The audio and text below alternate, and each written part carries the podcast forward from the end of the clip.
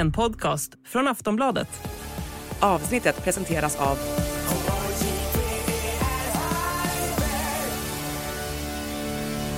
Stödlinjen.se, åldersgräns 18 år.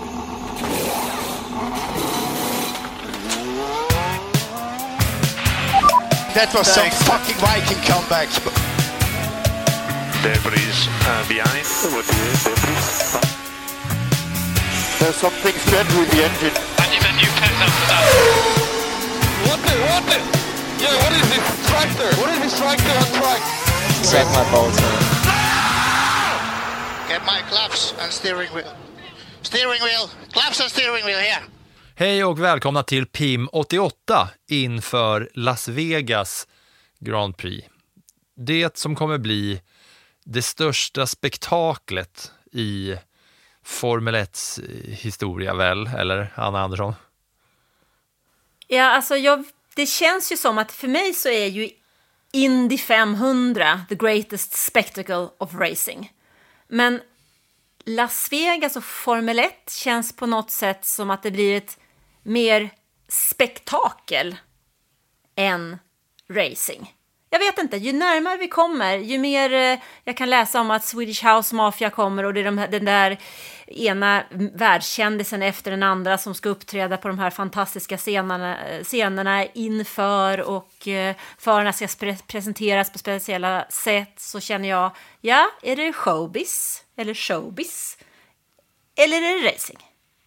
Showbiz, showbiz eller racing? Jag Ja. tror fan att det är, eh, jag tror att det är alla, ja det är två första kanske. Men alltså spektakel, att, att Indy 500 är the greatest spectacle of racing, det känns ju som ett, eh, ett eh, motto och brand, branding som de har, det har suttit i sedan länge. Det är ju liksom, spektakelväg så är det ju inte, har de ju ingenting att sätta emot vad ordets egentliga innebörd är egentligen, gissar jag på. För att det är ju liksom, det är ett etablerat, man vet vad man får, det är eh, liksom, det är sportens, eh, det är ju det största i, i indiekretsar och så vidare. Och alla vet vad det är och, så, och sådär. Men det här kommer ju bli ett spektakel med, alltså, jag ska kolla vad spektakel är alltså. Spektakel, substantiv, uttal, spektakel, oreda, kaos, oväsen, pinsam eller löjeväckande situation, gyckel, hemsk, dramatisk eller kaotisk åsyn, föreställning, skådespel, tilldragelse. Och det känns väl som att det är exakt det som väntar i Vegas. Med ordagrant va? Alltså, ordet, Löjeväckande. Ja, men så här, ordet löjeväckande tilldragelse, det är ju inte två ord som jag vill sätta i närheten av Formel 1, egentligen, om du frågar mig. För för mig så är ju Formel 1 någonting helt annat än en löjeväckande tilldragelse. Mm, det passar, jag tycker att det går hand i hand med det gamla begreppet all PR är bra PR i, i det här fallet och här är det ju Rickard extremt Fagerlund. mycket PR.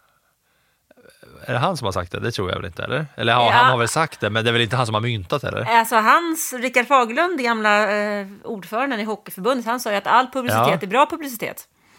Ja, efter någon eh, stor skandal va, men eh, jag gissar ju på, jag gissar ju på att det var inte han som var först på det. Det var bara lite vilt sådär va. All cred till eh, gamla gode Rickard Fagerlund, eh, men eh, förbundspampar på Hockeyförbundet har ju gjort bort sig förut, så han vet väl vad han snackar om visserligen. Men eh, apropå PR så läste jag att eh, F1 själva har valt, har liksom tagit eh, de har liksom bestämt att de ska dra PR-lasset. I vanliga fall så är det ju att eh, raceorganisat, eller liksom de platserna där det raceas på, banorna och orterna och eh, de gör liksom PR själva utöver det som F1 gör. Men här har F1 sagt att äh, vi har, vi har er, det här gör vi. Liksom. Vegas behöver inte kämpas jättehårt själva med PR, utan det är liksom något som F1 själva vill göra här för att få, för att få liksom allt, alla strålkastare på rätt platser där de själva vill ha det. Ja, fast å andra sidan så kommer ju den här, det här tävlingshelgen och spraka med tanke på hur strålkastarna brukar se ut i Las Vegas. Så att eh, jag tänker att det behövs inte så mycket PR. Det här är ett event som på något sätt nästan säljer sig själv. Jag tror att det kommer vara kaos helt enkelt, på det mesta. Det kommer det ju absolut eh, vara kaos. Och det har redan varit kaos i någon månad däröver för att, eller ja, det har väl varit kaos. Vegas är väl kaos egentligen. Det är väl där det är till för att vara ett eh, stort kaos. Men ehm, eh, senaste, de har ju liksom lagt om ass. Vi ska, komma- vi ska prata mer Vegas här, men det, det känns som en na- naturlig väg in för att ju närmare vi kommer, desto mer liksom Hula Baloo finns det att liksom kika på och titta på. Jag kollar på Youtube-filmer om hur då Vegas har förändrats nu under månaderna här. De har ju lagt om asfalten på allt det här. Fyra nya lager med liksom att det ska vara en grund och det ska vara en bas och högst uppe ska det vara grepp. Men det här greppet kommer också liksom påverkas skitmycket för att det kommer vara det kallaste racet i mannaminne i F1s historia och det är mycket sånt som vi ska prata om.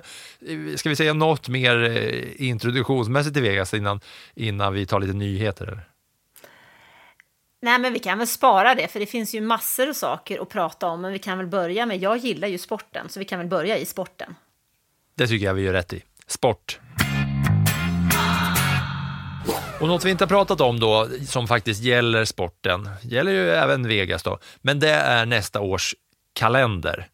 För att det ska raceas eh, even more nästa år, 2024. Men kalendern är spikad för F1-säsongen 2024 som drar igång redan i slutet av februari, början av mars i Bahrain. Sedvanligt va?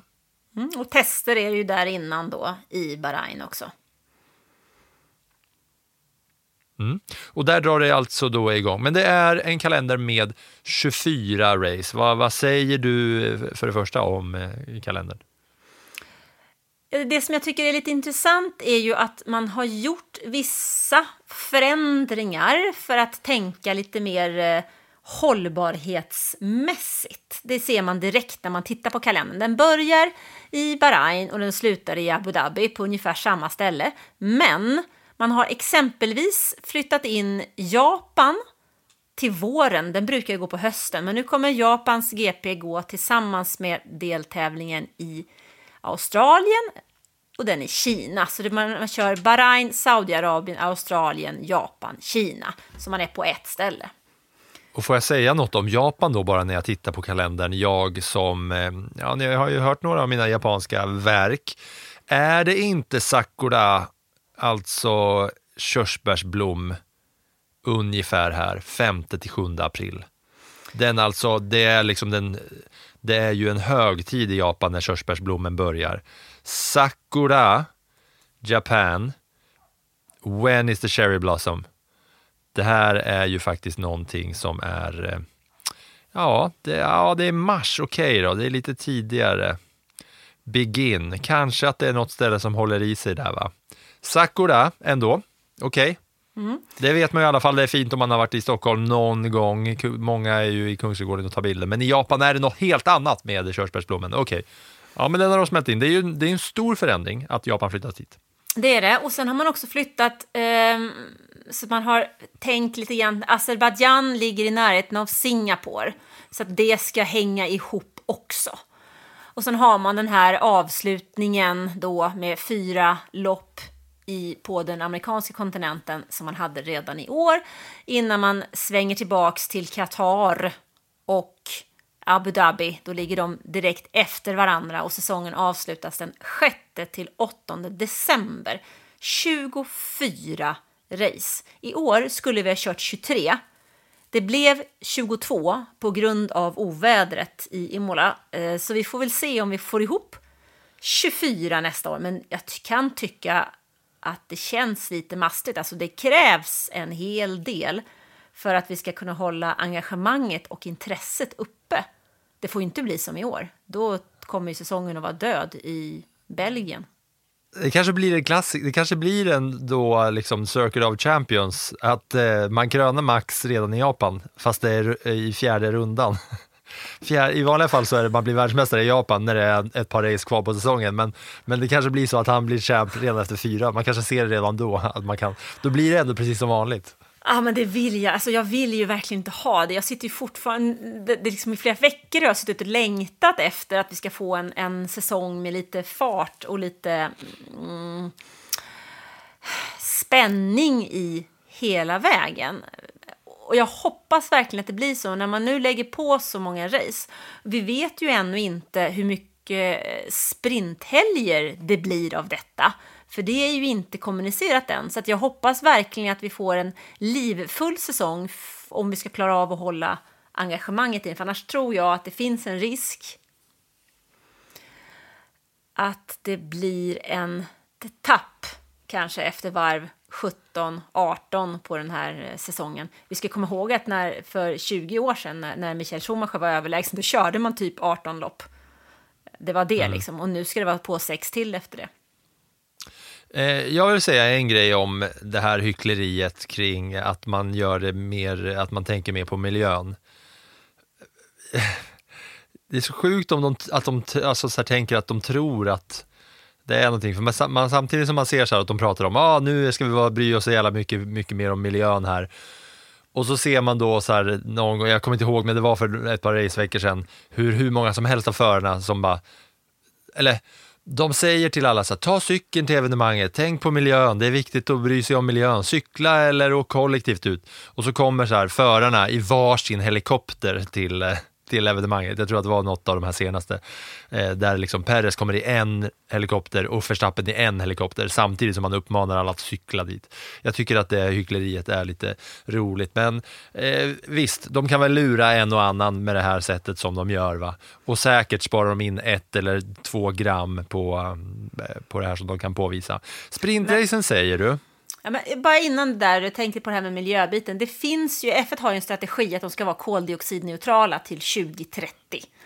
Ehm, de kommer att behöva göra fler ändringar i kalendern, för om man tittar man på det idag, de har gjort en rapport som jag tror kom ut 2019, tittar man på idag hur det ser ut så är det just logistiken, det är det som ställer till det för dem. För själva, många tror att det är motorn i en F1-bil som är så himla illa och det är det inte. Den, den släpper ut extremt lite, betydligt mindre än vad en vanlig bensindriven bil gör faktiskt. Men just det här flyttandet runt världen, åkandet runt världen. Um, I somras, eller det var förra sommaren, så gjorde Mercedes ett prov med att ha fossilfritt bränsle i sina lastbilar som de körde om det var till tre eller fyra race, jag kommer inte riktigt ihåg. I år körde man ännu längre under Europasäsongen med, de här, med det här fossilfria bränslet och gjorde en enorm sänkning av sitt koldioxidavtryck. Plus att många av banorna idag faktiskt drivs av, alltså man har solenergi för det som behövs på banorna. Så det finns ju ett medvetet jobb. Det är många som har påpekat det här med de här äh, eh, däcksallokeringen som vi höll på med i vissa kval. Det är ju också en miljötanke det för att man ska ta med sig färre däck till fler race. Så det finns ju där, även om man kan tänka sig på någon, en, en, en serie som tävlar runt över hela världen, helt koldioxidneutral, kommer bli extremt svårt att bli och det kan kännas lite märkligt när det ligger efter deltävlingen i Kina så ska man till Miami innan man ska till eh, Imola. Hmm, den är väl lite tveksam för sen ligger ju faktiskt ett stycke race i Monaco innan man ska till Montreal igen. Och där finns det massor, massor, massor att jobba med. Ja, för alltså så här, jag tänker också här, ja visst, de är jätteduktiga att de har satt fem race i början bredvid varandra. Men sen är det ju precis som du säger så här, ja, man ska till Kanada mitt i, man ska till, eh, ja, det är flera gånger som det är så här fram och tillbaka till eh, stora ställen. Jag tänker lite på det som, du vet när man ska beställa flygbiljetter, så har man alltid så här, ja men det är ett pris, sen så lägger man till lite för väska och sen beroende på vad man har för, för klass och sådär. Sen kan man alltid välja att lägga till typ tusen spänn till för förnybart bränsle. Har du sett det? Ja, jag har funderat på det. Det är så jävla sjukt. Så bara, ja, vill du betala ett pris för en biljett eller vill du betala mer för att säga att du vill att vi ska flyga det här med annat bränsle? Ska de ändra det då om jag bokar min biljett dagen innan? Det finns det såklart en någon slags lösning, men det här är ju så konstigt PR-grej också. Så här. Betala mer för förnybart bränsle i flyget som ändå ska flyga. Ja, men det beror väl då på att din plats där du sitter ja. har du betalat extra för du flyger med förnybart bränsle. Men Pelle ja. Persson som sitter fyra rader bort och inte har de där tusen kronorna, han får faktiskt åka med ett annat bränsle. Ja. Det är så jävla fjantigt. Men ja, det är ungefär samma ty- typ av hycklerikänsla. Men du, du sa att eh, sprinterna inte är spikade. Vi pratade lite sprint förra veckan. Eh, som sig bör, och det kommer vi såklart göra nästa eh, säsong också när, och när det börjar bli dags och när man kör och allt det där. Men någon slags hint har man väl fått om någonting va, under tiden här, Vanna? Ja, men det har ju pratats mycket om sprinten. Dels så är det så att många förare tycker ju inte att den har varit den framgången eh, som många av arrangörerna tycker. Många fans tycker inte heller det för att sprinten har varit ganska tråkiga. Alltså vissa korta banor har de ju funkat bättre på än vad de har gjort på längre banor och i år var det ju sex sprinter och det där har man haft ett möte för att utvärdera och man kommer att diskutera det vidare igen. Och jag skrev lite om det på bloggen för att eh, kolla läget bland våra trogna svenska F1-fans och där fick vi faktiskt in eh, lite förslag på hur man skulle kunna göra det här betydligt mycket bättre, i alla fall enligt våra bloggexperter. Ja, eh, det var ju många som var, det, var det är ju så mycket, vi, jag bad, vi bad om det förra veckan, så jag var inne och diskuterade. Det var ju helt onödigt, det hade ju folk gjort ändå såklart, skrivit vad de tycker om, om sprinten och, och, och sådär. Det var många förslag eh, som var på det ena och det andra hållet. Men jag tyckte ju att, jag har plockat ut mina två favoriter här som är, som är liksom i kommentarsfältet på, på din eh, motorblogg. Då. Det absolut bästa förslaget på hur man ska köra sprint nästa år, det är från Conny Håkansson som skriver, som skriver så här. Angående sprinten. Så här ska den genomföras. Obs! Inget förslag utan en order till ansvarig. Fredag, träning, utan hjälm. Lördag, sprint, 80 varv, spela poker om startordning. Söndag, Grand Prix, ej definierade antal varv. Den förare som bryter sist har vunnit loppet. Loppet måste köras i slips eller fluga. Snabbast varv, 10 poäng. Snyggast fluga eller slips, 50 poäng. Adliga diskvalificeras automatiskt efter fem varv.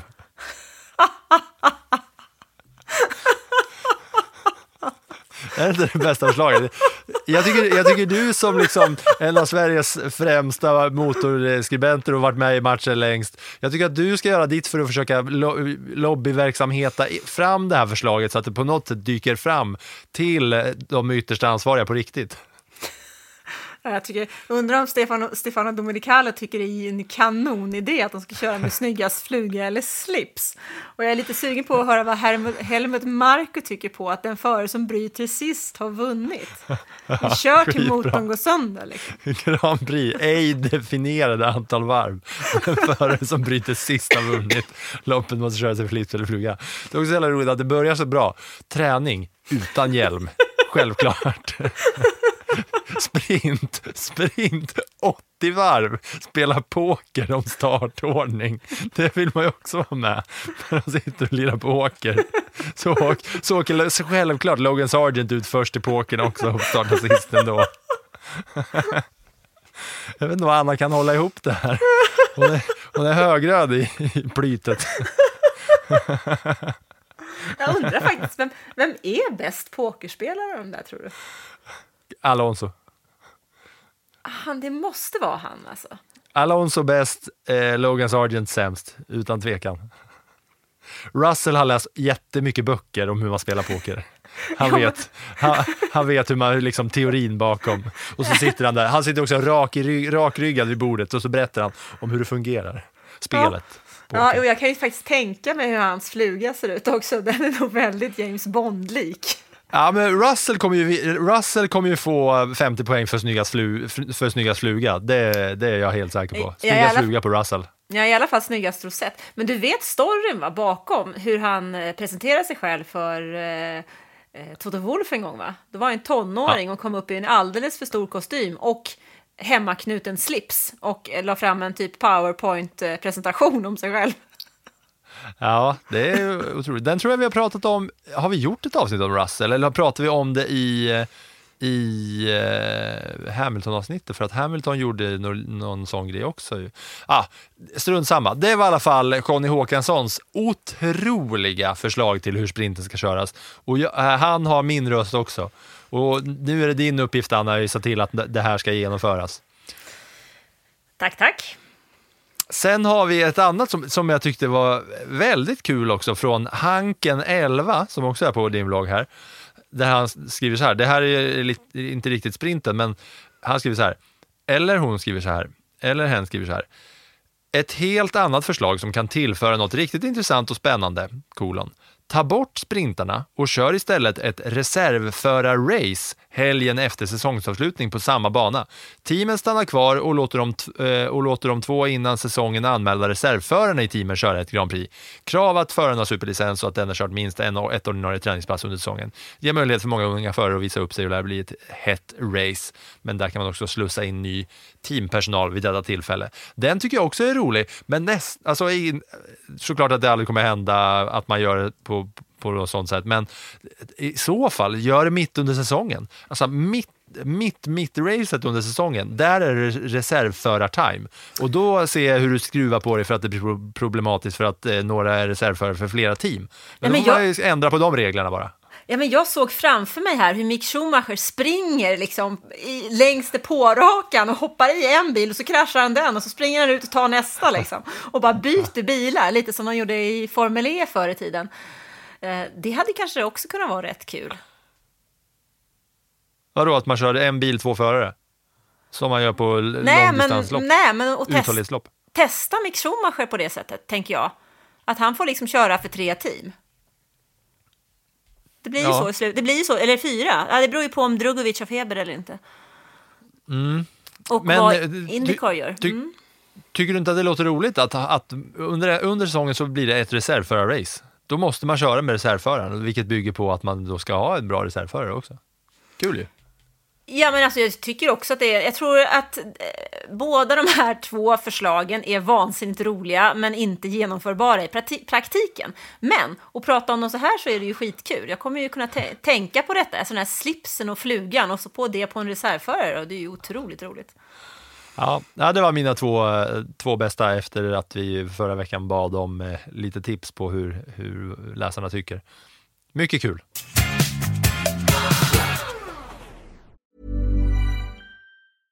Hej, jag Ryan Reynolds. På Mint Mobile, we like to do the opposite of what Big Wireless does. They charge you a lot, we charge you a little. So naturally, when they announced they'd be raising their prices due to inflation, we decided to deflate our prices due to not hating you. That's right. We're cutting the price of Mint Unlimited from $30 a month to just $15 a month. Give it a try at mintmobile.com slash switch. $45 upfront for three months plus taxes and fees. Promo rate for new customers for limited time. Unlimited more than 40 gigabytes per month. Slows. Full terms at mintmobile.com.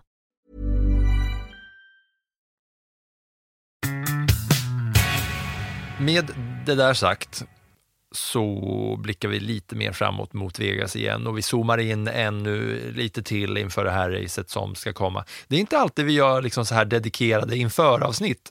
Nu hade vi ju den här säsongen tidigare inför eh, Austin så hade vi ett special USA. Men Vegas känns lite liksom, det känns som en nivå till. Men vi- vi ska väl ta det ena och det andra här, men summor och pengar och eh, miljontals, miljontals dollar är väl det som är det första som man lyfter på ögonbrynen för när det kommer till det här racet, eller hur? Ja, det är det. Det är på något sätt, men pengar eh,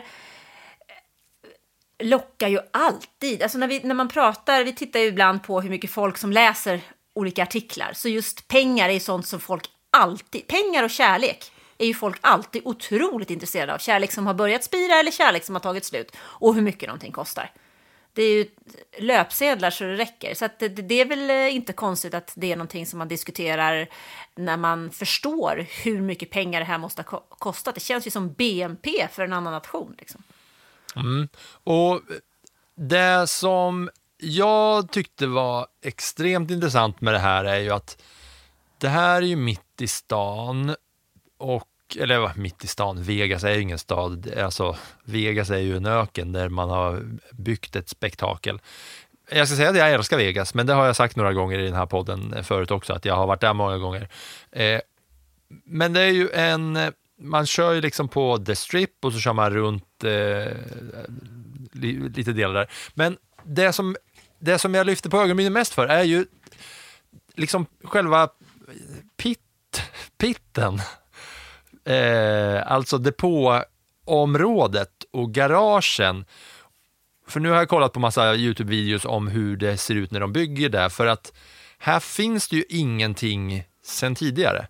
Och alla andra racingbanor, det finns ju eh, husen och det finns vattenledningar och det finns eh, matsalar och garagen och restauranger och platser för konferensrum och det finns toaletter och allting liksom. Men här är det så att de måste bygga hela det här området där bilarna och mekanikerna och de där lever i de där dagarna. Så de har ju byggt hela det här långa, va, jag, vet, jag hittar liksom inte ordet för det, depå, pit crew, pit area.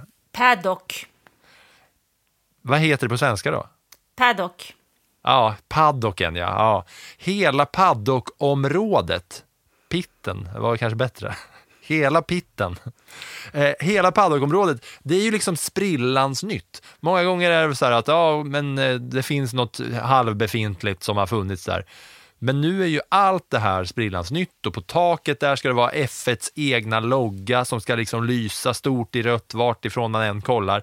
Och bara för att bygga det här så har de spenderat 240 miljoner dollar för att köpa marken så att man kan bygga den här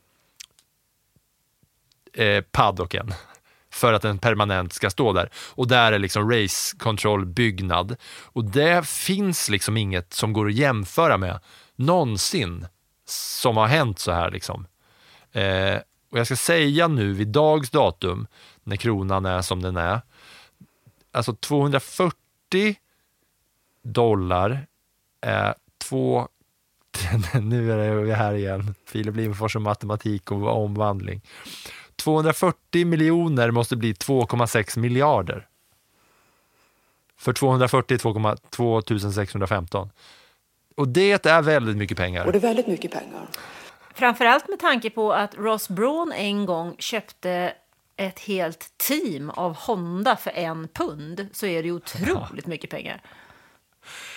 Tänk om Ross Braun hade varit liksom, eh, samma ekonomiska vinning för, för det här vad mycket de ska dra in då. Ja, men det är i alla fall en av de stora grejerna. 240 miljoner dollar för att köpa mark för att sen där bygga paddocken. Eh, och sen är det ju ja, det är lite olika summor om vad som hela kalaset har gått på hittills. Men eh, du har hittat någon, eh, någon siffra mot slutet av september där det snackas om 435 miljoner dollar. Jag i dagarna har sett 500 miljoner dollar har överskridits. Eh, och det är ju, alltså, det är ju sjukt. Man försöker, alltså jag kan, det är, ja, för mig är det lite som att tänka på universum. Mm. Jo, men, alltså, om, det, om vi ligger runt 500 miljoner dollar, då är det alltså 100 miljoner dollar över vad man i augusti sa att man skulle lägga ut för detta. Alltså, jag ser ju framför mig alltså, Joakim von Anka och hans pool. Liksom. Mm det, så, så är det nog. Det kan de nog köra vid The Sphere där man kommer. Lite mer som har hänt där i Vegas då, det är ju att eh, i och med att man kör eh, i själva turi ja, konstigt att prata om Vegas och områden och turistområden, för det är ju ett turistområde alltihopa. Visst, det finns ju folk som bor där i, och det är jättestora eh, områden där, där, man, där folk lever och bor.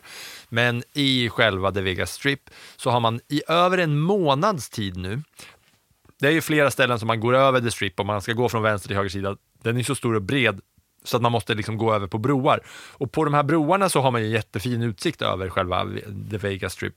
Och där har de i över en månads tid försökt sätta upp så skyddsplast så att man inte ska kunna se ner på The Strip, vilket då har ju förstört upplevelsen för så många. Vegas lever ju på att folk åker dit, bor på hotell, bränner pengar på kasino, super och allt sånt där. Men man får ju liksom inte upplevelsen i flera månaders tid för att de förbereder för det här eh, Formel 1-loppet. Och det har gjort att folk har ju blivit vansinniga på att de här skydden har satts upp så att man liksom inte kan se och uppleva det här. Så det har ju folk såklart blivit vansinniga över och så har de rivit ner det. Jag vet inte om jag sagt tidigare att eh, en av de vanligaste så här, klassiska turist det är ju en fälla, stå och kolla på Bellagios fontäner. De är ju borta sedan länge, för där bygger man läktare, så man sitter ju på läktare vid i Bellagios fontäner. Och är man då på hotellet Bellagio så ser man inte heller ut över någonting för att de där läktarna är i vägen för, eh, för att se eh, banan från hotellet. Sjukt det med va? Det är faktiskt, ja, det, det där är ju ett problem Eh, när man har stadsrace. För staden, det är likadant i Monaco. Alltså, där kör man ju i slutet av maj. Det är inte jättekul att vara i Monaco i eh, sex, åtta veckor innan dess. För då är det ju också så att det blir kaos liksom, när man ska bygga upp allting. Och samma sak gäller ju även i Singapore. Och här kan jag tänka mig just det, Las Vegas, som ju är en stad dit folk åker för att få en upplevelse. Klart som 17 att man blir irriterad om man inte kan få ta de där selfiesarna och de bilderna som man faktiskt vill ta av The Strip och området där kring. Mm. Ja, det är crazy alltså. Och ehm, ja, men det är lite av det som har varit runt om och sådär. Ja, sen tänker jag på The Sphere också. The Sphere. Eh, har du sett den? Den stora bollen. Eller ja, jag får väl prata till alla som lyssnar. Har ni sett The Sphere i Las Vegas? Världens största boll med en projektor på utsidan alltså. Eh, The Sphere är alltså, den är 111 meter hög och 157 meter bred. Och det är bara en stor projektion. Alltså, känn på måtten. 111 meter hög, 157 meter bred. Och, och det är alltså, det är en stor boll som är en stor skärm. Och den kommer vara i ett av områden som banan kör runt då. Och ni som hör det här då, gå då in på Youtube och bara sök på The Sphere så kommer ni få se så sjuka bilder för att den är, det är så högupplöst, det är så många hundratusentals små puckar som är liksom eh, som är videoskärmar som sätter ihop allt det där. Och där är, ja, man har massa olika eh, konserter och grejer som är. Det är Cosmonova var väl en sån känd grej i Sverige att eh, de hade den, den största skärmen man kunde kolla på och så åkte man dit och kollade på eh, naturfilmer och grejer. Och så kunde man liksom inte fatta hur gigantisk den var. Alltså Cosmonovas skärm är som en liten 20-tums eller en sån här 14-tums kanske. Frukost-tv fanns på 90-talet. Kommer du ihåg man hade frukost-tv? Bull-TV sa min moster som bodde i Göteborg. Ja, men det var en specifik liten tv som man skulle Ja. ha för frukosten. Liksom, för att man hade Ja. 20-tums tjock-tv i vardagsrummet, så hade man frukost-tv i, eh, ja, i det där. Ja, men The Sphere är i alla fall en sån sjuk grej. Det är också så här 167 000 högtalare. Alltså. Det är sådana siffror. Så där kommer det vara, och där har de inte avslöjat än vad det kommer vara för projektion. Så jag tror till och med så här att om Max Verstappen i Brasilien berättade att han hade svårt att fokusera sig, eller att han höll på att köra av efter att han hade gått mål för han kollade på någon av storbildsskärmarna hur det gick för i kampen Checo mot Alonso, så tror jag här kommer nog förarna köra av för att The Sphere är så stor och eh, de kommer, det kommer, alltså jag gissar på att de kommer visa racet där liksom, så att, och det går inte att missa för den är så HH stor. Jag undrar om du måste gå in och kolla på det om du inte har hört talas om det Anna? Mm. Ja, jag ser den. Det ser ut som en, en eh, boll som snurrar och rullar och som en illusion nästan. Ja, det är, så, det är så sjukt att man inte kan tro att det är sant. Eller hur? Nej. Man tror att det inte är på riktigt. Nej, det ser nästan ut som en illusion som... eh, Som om Globen hade varit en illusion. Det är ju bilder här med katter på och som ögon och som... Ja, mycket, mycket märkligt. Och, och då, ska jag, då ska jag ge dig alltså, Globen är alltså 85 meter hög. Och, och The Sphere, eh, vad sa jag att The Sphere var? Den är 111 meter och 157 meter. Så den är liksom större än Globen. Och det är liksom en högupplöst skärm, liksom, rund. Ja, okej. Den, den, alltså fattar du vad de kommer göra av det? När det raceas? För att det går, man kör runt den. Spektakel. Mm, det blir spektakel. Okej, nog om min eh, rant om det där. Jag tycker att det ska bli spännande. Kul om jag sitter här nu nästa vecka och är jättebesviken på att det var bara så här, det var någon lampa eller något sånt. En annan grej med Vegas eh, bana, den här banan är ju tredje längst tror jag i hela F1-kalendern. Spa är ju längst av alla banor. Den är sju kilometer lång. Eh, Vegas är 6,2 kilometer. Och det är ju själva liksom hur en, hur en den är ju, det är raksträckor och hårnålskurvor i princip och en eller två snabba eh, kurvor. Och jag ska se, jag, ska bara, jag ska inte säga fel här. Spa, Vegas, Jeddah, Baku. Jeddah och Baku är också över 6 kilometer, men Vegas är 6,2 så den är lite längre. Okej, nu har jag inte sagt helt fel. Sen så tror jag att Monaco är kortast på typ 3,3 kilometer och sen är inte Lagos också kort, men det finns några till korta. Det är lite om däcken i Vegas, för att det här kommer vara ett kallt race. För det ska köras på kvällen och vi är i november, även fast Vegas är ett varmt område. Det är ju så här att för de som är där körs det på natten. För oss som är här körs det på morgonen. Det är söndag morgon, vår tid. Så att man, man, man får inte bli lurad av att det är nattetid, faktiskt. Alltså kvällstid, de kör vi inte på natten? Eller? De Nej, men det, är, det är kväll. sen kväll är det. Men man, Ja. det är ju lätt att tänka att ja, men det är sen kväll, då är det natt för oss. Nej, det är morgon för oss. Det är klockan sju tror jag på morgonen som det här racet avgörs. Eh, Men det som är när man tittar på den där banan så ser den inte så här jätterolig ut som du säger. Det är eh, raka kurvor och hårnålar. Men det som vi har noll koll på och som teamen inte heller har koll på, det är ju asfalten, temperaturen. Det är också var ojämnheterna ligger i den här banan. Det ser man ju inte på en banskiss. En banskiss är ju platt. Det har vi noll aning om, för det, alltså det kan hända rätt mycket tror jag, bara man får, bara man får komma dit och börja se och fundera över hur däcken ska jobba. För just däcken är ju så otroligt viktiga att man får in dem i rätt arbetsfönster. För får man inte däcken att jobba i rätt temperatur så sliter man ju oerhört mycket däck och då går inte heller bilen fort nog. Nej, och däcken är ju byggda och optimerade för att köras. Alltså de funkar ju som bäst när de är varma liksom. Eh, och jag, alltså det är liksom, i Vegas, det kommer vara så här eh, på kvällarna, jag vet inte om det kommer vara 10, 11, 12 grader liksom, sent på, på kvällarna där. Och sen så lägger man på då att man kör i 345 km i timmen framåt, vilket ger liksom luft eh, och kyla och sådär. Vilket, det tror jag, jag tror det kommer landa i att det kommer vara i de farterna. Alltså mo, motsatsen till Qatar, det kommer vara typ 5, 5 6, 7 grader i den där, i den där farten. Och det är ju helt annorlunda, eh, för däcken då. Däcken som är, bygg, som är konstruerade för varma temperaturer, så blir det något helt nytt här. Eh, många, jag läste någon expert som har, däckexpert, jag vet inte om det är Pirelli själva, som har sagt att det troligtvis kommer vara ett av de kallaste loppen i F1s historia. Eh, det kommer göra det svårare för, för förarna att hantera, för det blir ju helt nytt med så här. Så, så det kommer ju vara de mjukaste gummiblandningarna som finns att tillgå som, som är eh, här i Vegas. Och då kommer det ju ha, det är ju också en låg grepp, det är så många så här parametrar för greppnivån kommer vara låg för att asfalten är ny. Och det är inte så att det körs, eh, har körts jättemycket racing där eh, tidigare, asfalten är helt ny, den är liksom inte så här, eh, det är inte hur många bilar som har kört, kört in gummi i asfalten heller. Nej, men alltså Så däckbit, det blir ju nytt.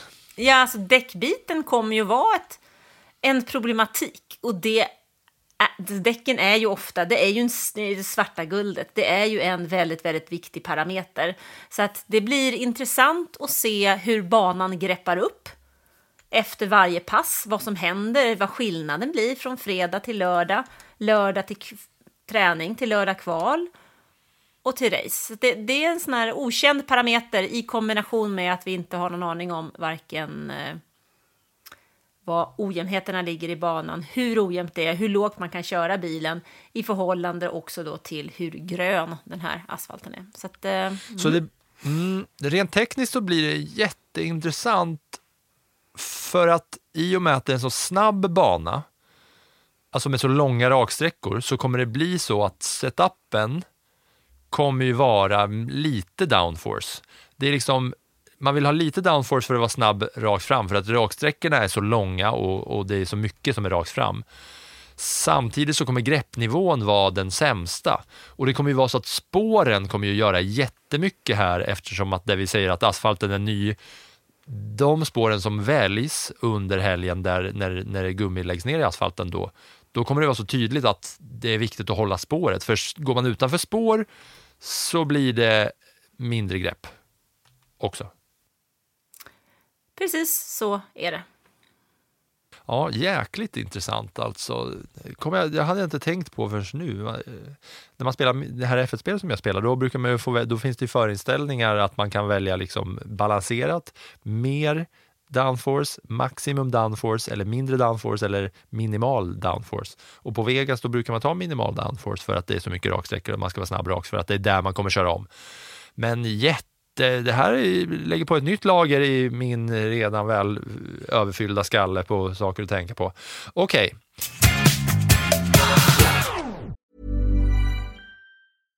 Hej, jag Ryan Reynolds. På Mint Mobile, we like to do the opposite of what Big Wireless does. They charge you a lot, we charge you a little. So naturally, when they announced they'd be raising their prices due to inflation, we decided to deflate our prices due to not hating you.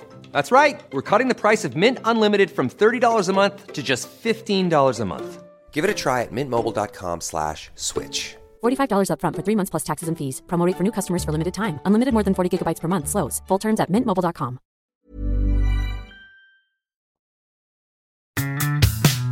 Ska vi nöja oss där, Anna, om eh, vad vi har att se fram emot i Vegas. Du kanske har något att tänka på kring, liksom, vi har inte sagt någonting om någon förare eller något team eller något sånt. Vad, vad, vad ska du blicka fram emot? Vad har du för eh, fighter och saker och ting att tänka på rent eh, sportsligt medan jag har suttit här och, och babblat om massa annat spektakel? Ja, alltså den här säsongen kan man ju aldrig räkna bort Max Verstappen. Så är det ju. Och han kommer ju vara en faktor här också, naturligtvis. Men det jag kan tycka tycka eh, känns lite spännande är ju Lando Norris. På något sätt så kommer ju han närmare och närmare och närmare den där segern som han eh, drömmer om. Det hade väl varit lite coolt om vi hade fått se den i Vegas. Ja, det hade det ju varit, men här tänker jag också när vi snackar däcken så tänker jag så här, ja, Ferrari har ju varit ett team som har varit bra, men de har varit dåliga på, alltså de har så mycket däckslitage. Kan det vara så att däcken slits mindre här och det passar Ferrari bättre på något sätt? Tänker jag högt sådär. Så ja, vi får väl se eh, hur det blir. Lando Norris säger du. Ferrari säger jag är jätteogenomtänkt. Men framförallt så vill jag ju att det ska gå bättre för Mercedes nu när jag gamblade in dem i mitt motormanager-team här för att, för att spurta förbi en och annan vän här sista dagarna. Ja, ja, ja, vi får se. Det, det är en vanlig helg fast det är inte vanlig ändå i Vegas. Det ska inte sprintracas i alla fall och det är vi väl ändå glada för, för det är vi nöjda med nu. Ja, verkligen. Alltså, jag tyckte ju, det sa jag redan förra veckan, att de här eh, tre sprintracen oktober-november eh, på slutet här, det var ju för mycket för mitt sprinthjärta, definitivt. Men vi kan väl dra tiderna egentligen, så vi inte missar någonting här. Kvalet kommer alltså gå på lördagen den 18 november mellan klockan 9 och 10 på förmiddag. Racet söndagen den 19 november klockan 07.00. Så kaffe och upp med tuppen. Oj, oj, oj, vilka dagar det där kommer bli alltså. Vegas, samtidigt som ska, så ska jag vara på någon himla konstig scen eh, på NHL, ska spelas i Globen där också. Oj, oj, oj, hur ska jag få ihop det här? Oj, oj, oj, oj, oj. NHL i Globen och Vegas på morgonen. Och det kommer bli eh, full fart och eh, ni som lyssnar, ni vet ju att ni ska kika in på eh, live-rapporteringen där ni kan babbla med Anna under racet. Så upp, koka kaffe, och så upp med datan, kolla på racet, babbla med Anna på live-rapporteringen på sportbladet.se. Tack för att ni lyssnar på Plattan i mattan. Ni är så himla snälla som gör det. Hej då! Hej då! That was some fucking Viking comeback. Debris uh, behind. There's something strange with the engine. And you've a new pet after that.